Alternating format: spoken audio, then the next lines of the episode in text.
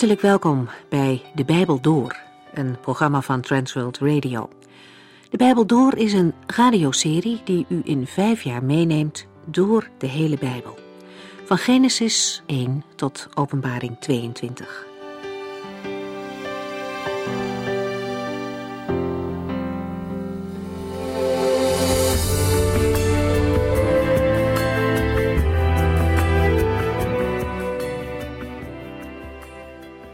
Vandaag lezen we weer verder uit het Bijbelboek Openbaring.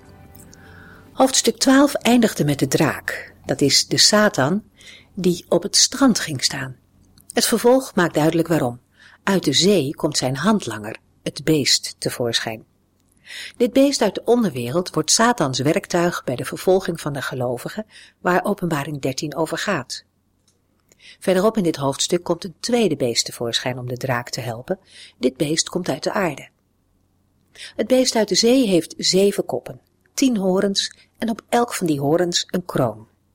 Die kronen laten zien dat het beest macht en gezag heeft. Op zijn koppen staan godslastelijke namen. Hij is een tegenstander en een vijand van God. Vandaag staan we stil bij dit eerste beest uit de zee aan de hand van openbaring 13. De vorige keer hebben we gezien dat er echter al veel meer bekend was over dit beest. Openbaring heeft veel lijnen naar andere Bijbelboeken. Het is de uiteindelijke vervulling van veel al eerder aangekondigde gebeurtenissen. Als het over het beest gaat, spreken we over de antichrist. Johannes noemt als enige deze term in zijn brieven. In de eindtijd zal er één antichrist opstaan. Daarover spreekt de openbaring. Maar er zijn nu al vele voorlopers. Mensen die hetzelfde gedachtegoed hebben. Kenmerkend voor hen is dat zij bestrijden dat Jezus de Christus is, de Zoon van God. Zij proberen gelovigen van de waarheid weg te trekken. Ook Daniel spreekt al over de antichrist. Uit zijn beschrijving kunnen we halen dat de antichrist zal optreden in de eindtijd, zich zal indringen in de Joodse godsdienst, het uitverkoren volk zal vervolgen, maar uiteindelijk zal hij door God vernietigd worden. Wij gaan lezen in Openbaring hoofdstuk 13.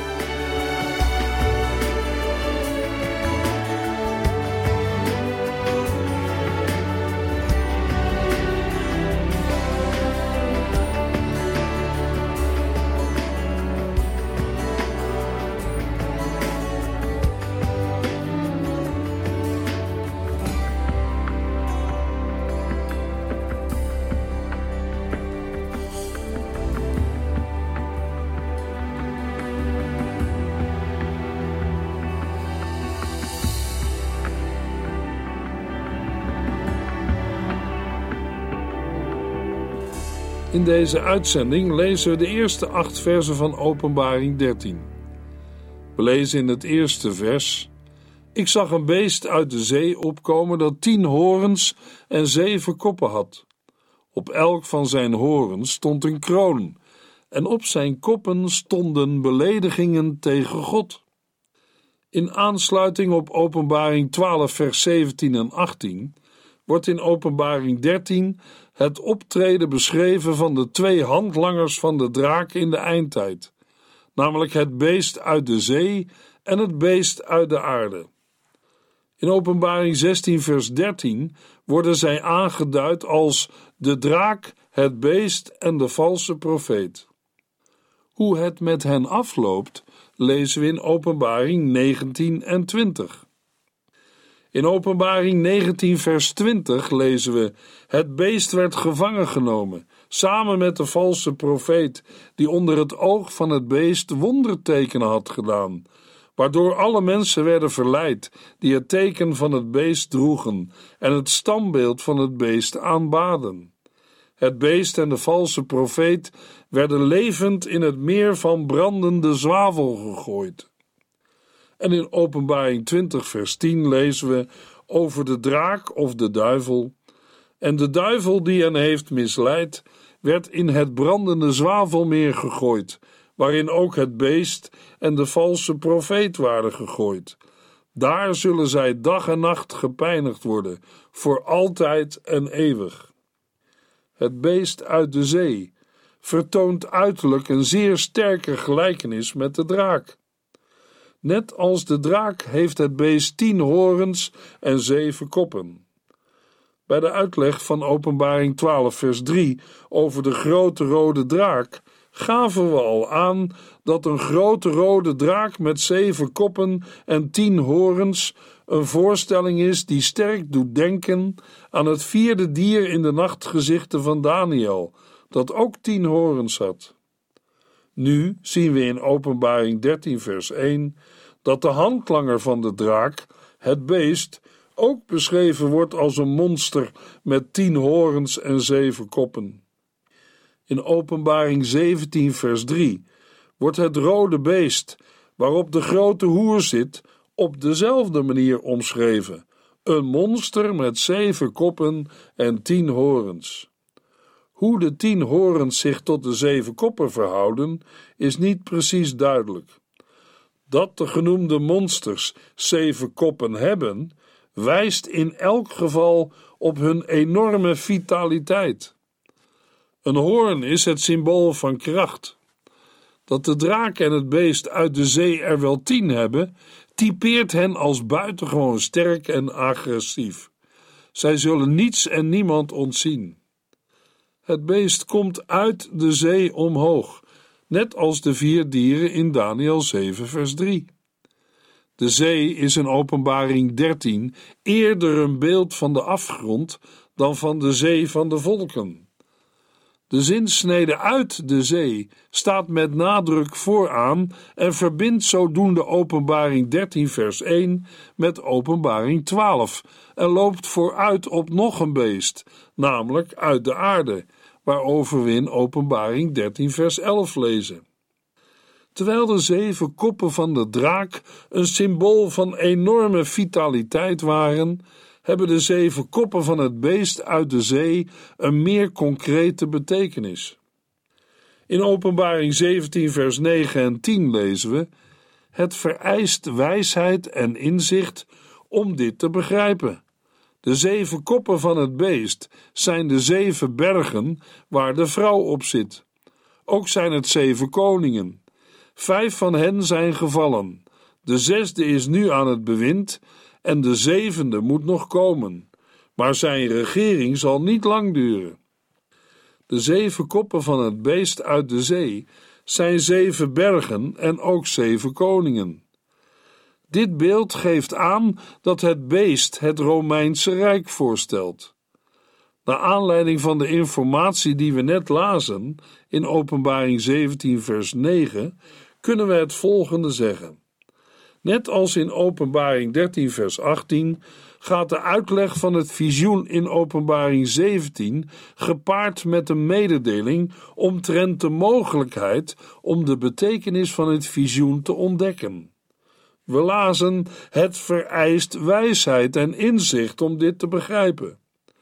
Hoewel de betekenis van het visioen niet onmiddellijk duidelijk is, is de betekenis uiteindelijk wel toegankelijk voor wie wijsheid bezit, dat wil zeggen, van God wijsheid ontvangt. Er wordt in Openbaring 17 een dubbele verklaring gegeven van de zeven koppen, wat op zichzelf niet ongebruikelijk is in apocalyptische visioenen.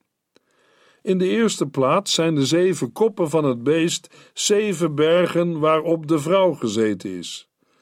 Daarmee wordt de stad Rome bedoeld. De stad Rome was gebouwd op zeven heuvels en de stad is in de Romeinse literatuur dan ook spreekwoordelijk de stad van de zeven bergen of heuvelen. Het oudste deel van Rome werd het Zevenbergengebied genoemd. Ten tijde van keizer Vespasianus waren er munten in omloop waarop de Romeinse godin Roma op zeven heuvelen stond afgebeeld. Een lezer of hoorder in de eerste eeuw kan de toespeling op Rome niet gemakkelijk hebben gemist.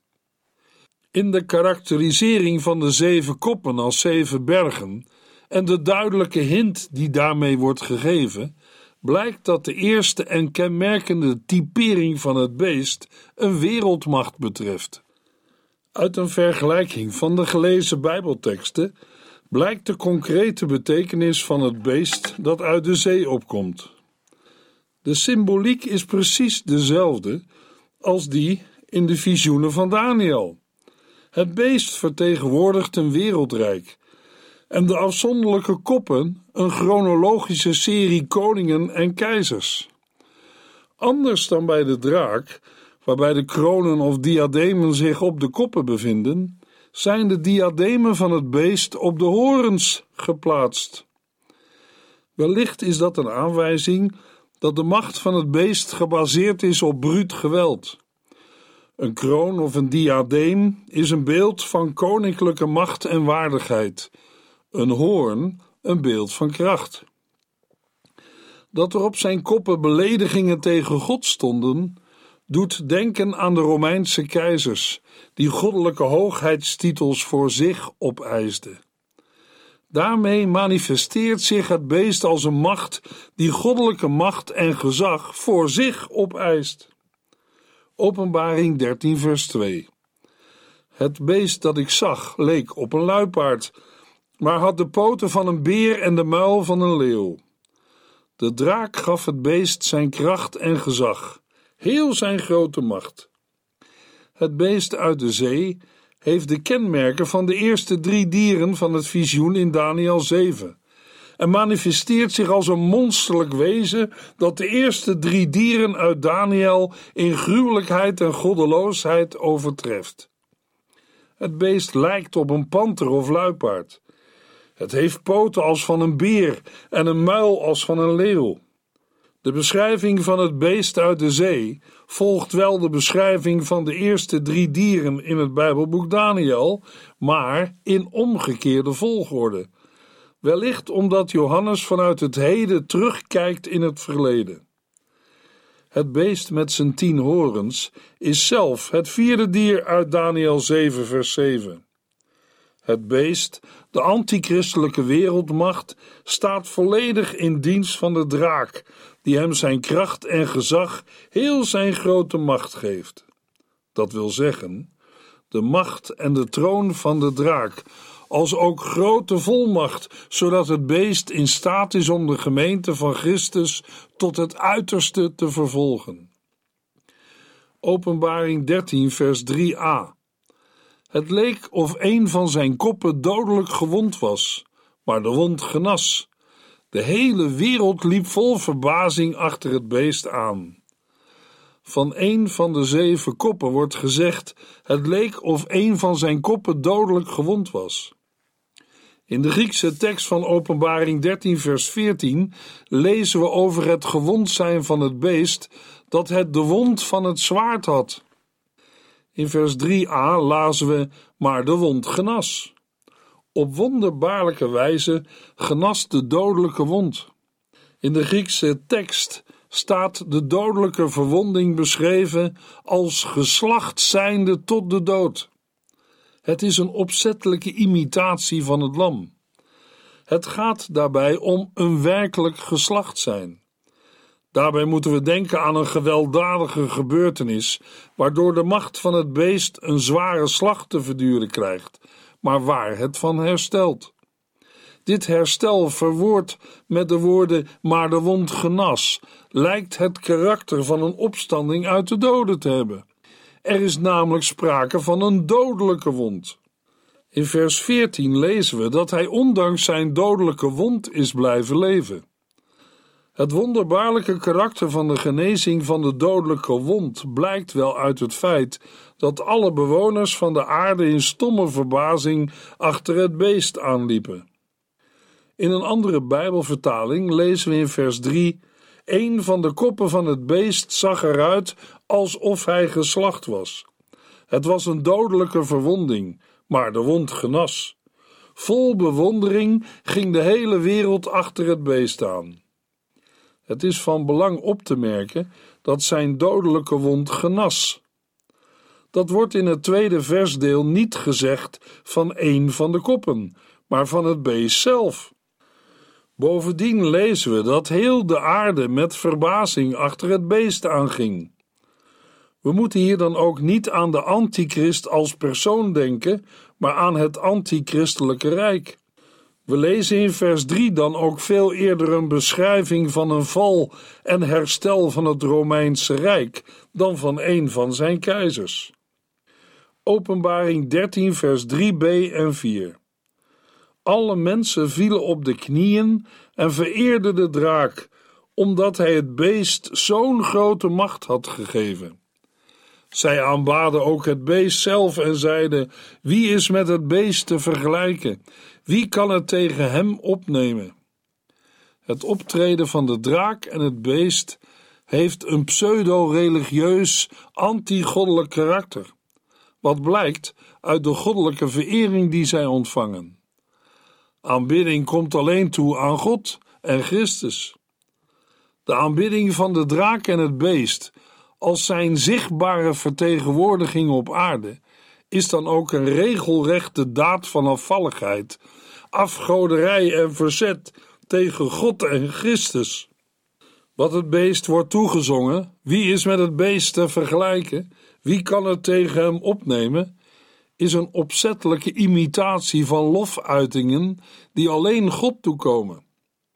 Uit de volmacht die het beest ontvangt en uit de vraag wie met hem oorlog kan voeren, blijken de politieke en militaire aspiraties die het beest heeft. Want het veronderstelde antwoord op de vragen is: niemand kan oorlog voeren met het beest. Maar daar heeft de Heer een stokje voor gestoken. Christus heeft hem overwonnen. Openbaring 13, vers 5. Het beest mocht met hoogmoedige woorden God beledigen 42 maanden lang. De beschrijving van de lastercampagne van het beest herinnert aan Daniel 7. De woorden het beest mocht komt in de Griekse tekst van Openbaring 13 vers 5 tot en met 7 wel viermaal voor. In eerste instantie zullen we dit zo moeten opvatten dat de hier genoemde zaken hem door de draak, de Satan, werden gegeven. Maar voor de draak en het beest is er geen enkele reden om hun oorlogvoering te beperken tot de genoemde 42 maanden. Die limiet is hun door de Heere God opgelegd. Deze 42 maanden vormen net als in Openbaring 11 vers 2 een relatief korte periode van grote verdrukking, waarin de antichrist binnen de hem door God gestelde grenzen vrij spel heeft. Deze tijdruimte komt overeen met de elders genoemde 3,5 jaar en de 1260 dagen. Openbaring 13, vers 6. En hij deed zijn muil open en braakte de grofste beledigingen uit tegen God, tegen zijn naam, tegen zijn tempel en tegen allen die in de hemel woonden. Gedurende de periode van 42 maanden manifesteert het beest zich als een anti-goddelijke macht die zich richt tegen alles wat met God te maken heeft. Het lastert zijn naam, zijn tempel en alle die in de hemel wonen. In 2 Thessalonicense 2 vers 4 lezen we: Hij zal God uitdagen en alles omverwerpen wat de mensen vereren. Hij zal zelfs in de tempel van God gaan zitten en beweren dat hij God is. Tegen wie of wat de lastering van het beest zich precies richt, is afhankelijk van de vraag of het voegwoord en voor de woorden die in de hemel wonen oorspronkelijk is of niet. Met het voegwoord en lastert het beest drie zaken, namelijk de naam van God, dat wil zeggen God zelf, de tempel van God en die in de hemel wonen. Bij het lasteren van de tempel van God kunnen we denken aan het lasteren van de hemel of van het hemelse heiligdom, of mogelijk ook van de tempel in Jeruzalem, de aardse woonplaats van God. Bij het lasteren van de hemelbewoners valt te denken aan het lasteren van engelen en of van de verheerlijkte gelovigen. In het geval het woordje en niet oorspronkelijk is, richt de lastencampagne van het beest zich op twee zaken, namelijk de naam van God en de tempel van God. De woorden die in de hemel wonen kunnen dan worden betrokken op de naam en de tempel van God, of zijn op te vatten als een bijstelling bij de tempel van God, namelijk de hemelbewoners. In dat geval wordt de gemeente van gestorven gelovigen, die wel de triomferende kerk wordt genoemd, voorgesteld als een hemelse tempel waarin God woont. Openbaring 13, vers 7. Het beest mocht oorlog voeren tegen het volk van God en het overwinnen. Hij kreeg macht over alle landen en volken. Johannes voorziet een korte, dramatische periode waarin de strijd tussen het beest, de antichrist, en de heiligen, het volk van God, dat wil zeggen de rest van het nageslacht van de vrouw, in alle hevigheid zal losbarsten. Het beest mocht oorlog voeren tegen het volk van God. Het volk van God, de heiligen, omvat de gemeente van Christus wereldwijd. Gelovigen uit alle rassen, volken, stammen en taalgroepen. De gemeente van Christus, die leeft onder de antichristelijke wereldmacht. Over de afloop van de strijd hoeft niemand zich illusies te maken. De heiligen zullen het onderspit delven.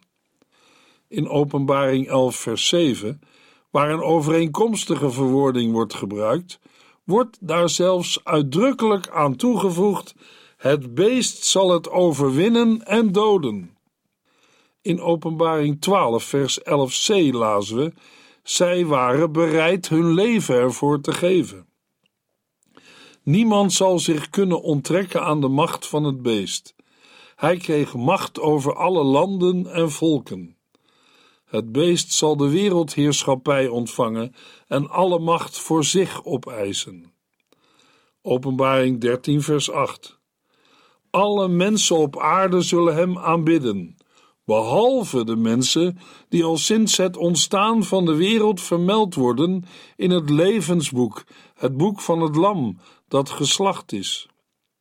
De opmars van het beest, de antichrist, zal tenslotte uitlopen op een situatie waarin het beest wereldwijd als een god wordt aanbeden. De situatie doet denken aan de aanbidding van het beeld van Nebukadnessar ten tijde van Daniel. En vooral aan de goddelijke verering die de Romeinse keizers voor zich opeisten. Maar bestond er ten tijde van het Romeinse Rijk nog een uitzondering voor het Jodendom? Zij waren officieel vrijgesteld van de keizercultus. Johannes voorziet in Openbaring 13, vers 8 een toekomstige situatie waarin alle mensen van wie de naam niet staat in het levensboek, het boek van het Lam, het beest zullen aanbidden. Als hem de betere tekst is, wordt er over het beest gesproken in mannelijke termen, hem in plaats van het. Als hem de betere tekst is, suggereert dit dat het optreden van de antichrist concreet gestalte krijgt in een historisch persoon, zoals dat bijvoorbeeld bij de verering van de Romeinse keizers het geval was. De verering van het goddelijke Rome, dat spitste zich toe op de verering van de keizer. De woorden behalve de mensen, die al sinds het ontstaan van de wereld vermeld worden in het levensboek, kunnen strikt genomen betrokken worden op het geslacht zijn van het lam. Maar in de paralleltekst in Openbaring 17, vers 8 lezen we: Het beest dat u zag, was er ooit, maar is er nu niet meer. Het zal uit de onderwereld omhoog komen en zijn ondergang tegemoet gaan. De bewoners van de aarde, die niet in het levensboek zijn ingeschreven, zullen zich erover verbazen dat het beest dat er vroeger was en nu niet meer is, maar straks weer zal komen. De typering van het beest uit de afgrond, als een wezen dat er ooit was, maar er nu niet meer is, is een duidelijke parodie op de aanduiding van de Heere God als degene die is en die was en die komt en op Christus als degene die dood geweest is, maar nu leeft voor altijd en eeuwig. Bij het beest dat was, kunnen we afhankelijk van de uitleg van Openbaring 17, vers 10, denken aan het rijk van Antiochus vierde Epiphanes. of aan het Romeinse Rijk onder Nero. Dat het beest nu niet meer is, geeft aan dat, hoewel de gemeente van Christus ten tijde van Johannes wreed werd vervolgd, de uiteindelijke manifestatie van het antichristelijke rijk nog moet komen. De vervolging die de gemeente van Johannes ondergaat, is niet meer dan het voorspel van wat komen gaat. De komst van de antichrist is nog aanstaande. Hij zal in de hoedanigheid van de achtste kop, lees koning, uit de afgrond omhoog komen. Maar hoe dreigend de toekomst er ook uitziet, het staat vast. Het beest gaat onherroepelijk zijn ondergang tegemoet. In Openbaring 17, vers 8 zullen de bewoners van de aarde, dat wil zeggen, degene die niet sinds het ontstaan van de wereld vermeld worden in het levensboek, het boek van het Lam, net als in Openbaring 13, vers 8, met verbazing naar het optreden van het beest kijken. Wie niet in het levensboek staat, zal het beest aanbidden. Dat is de keerzijde van Daniel 12, vers 1, waar we lezen: In die tijd zal de grote vorst Michael, die over uw volk waakt, opstaan en voor u vechten. Er zal een periode van grote nood en zwaar lijden aanbreken. Toch zal van uw volk ieder wiens naam in het boek staat hieraan ontkomen. Er is ontkoming voor al wie in het boek geschreven wordt bevonden. De woorden sinds het ontstaan van de wereld zijn net als de woorden hem werd gegeven of hij mocht, een aanwijzing dat de Heere God uiteindelijk de wereld bestuurt en de geschiedenis naar de door hem bedoelde bestemming zal brengen. Over het levensboek, het boek van het Lam, zegt de Heer Jezus in Openbaring 3, vers 5: Wie overwint, zal dus witte kleren aankrijgen. Ik zal zijn naam niet schrappen uit het boek waarin de mensen vermeld staan die het eeuwige leven hebben, maar voor mijn Vader en zijn engelen verklaren dat Hij bij mij hoort. Staat uw, staat jouw naam al in het levensboek van het Lam? In de volgende uitzending lezen we verder in Openbaring 13.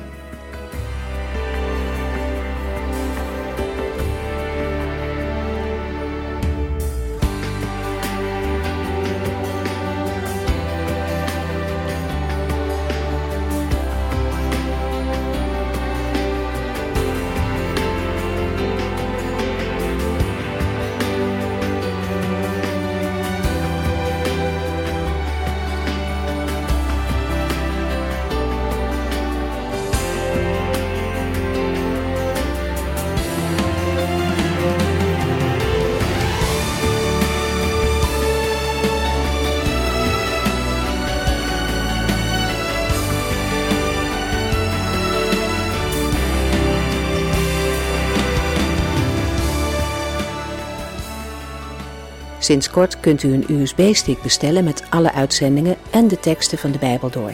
Ons adres volgt in de afkondiging. U heeft geluisterd naar De Bijbel Door. In het Nederlands vertaald en bewerkt door Transworld Radio.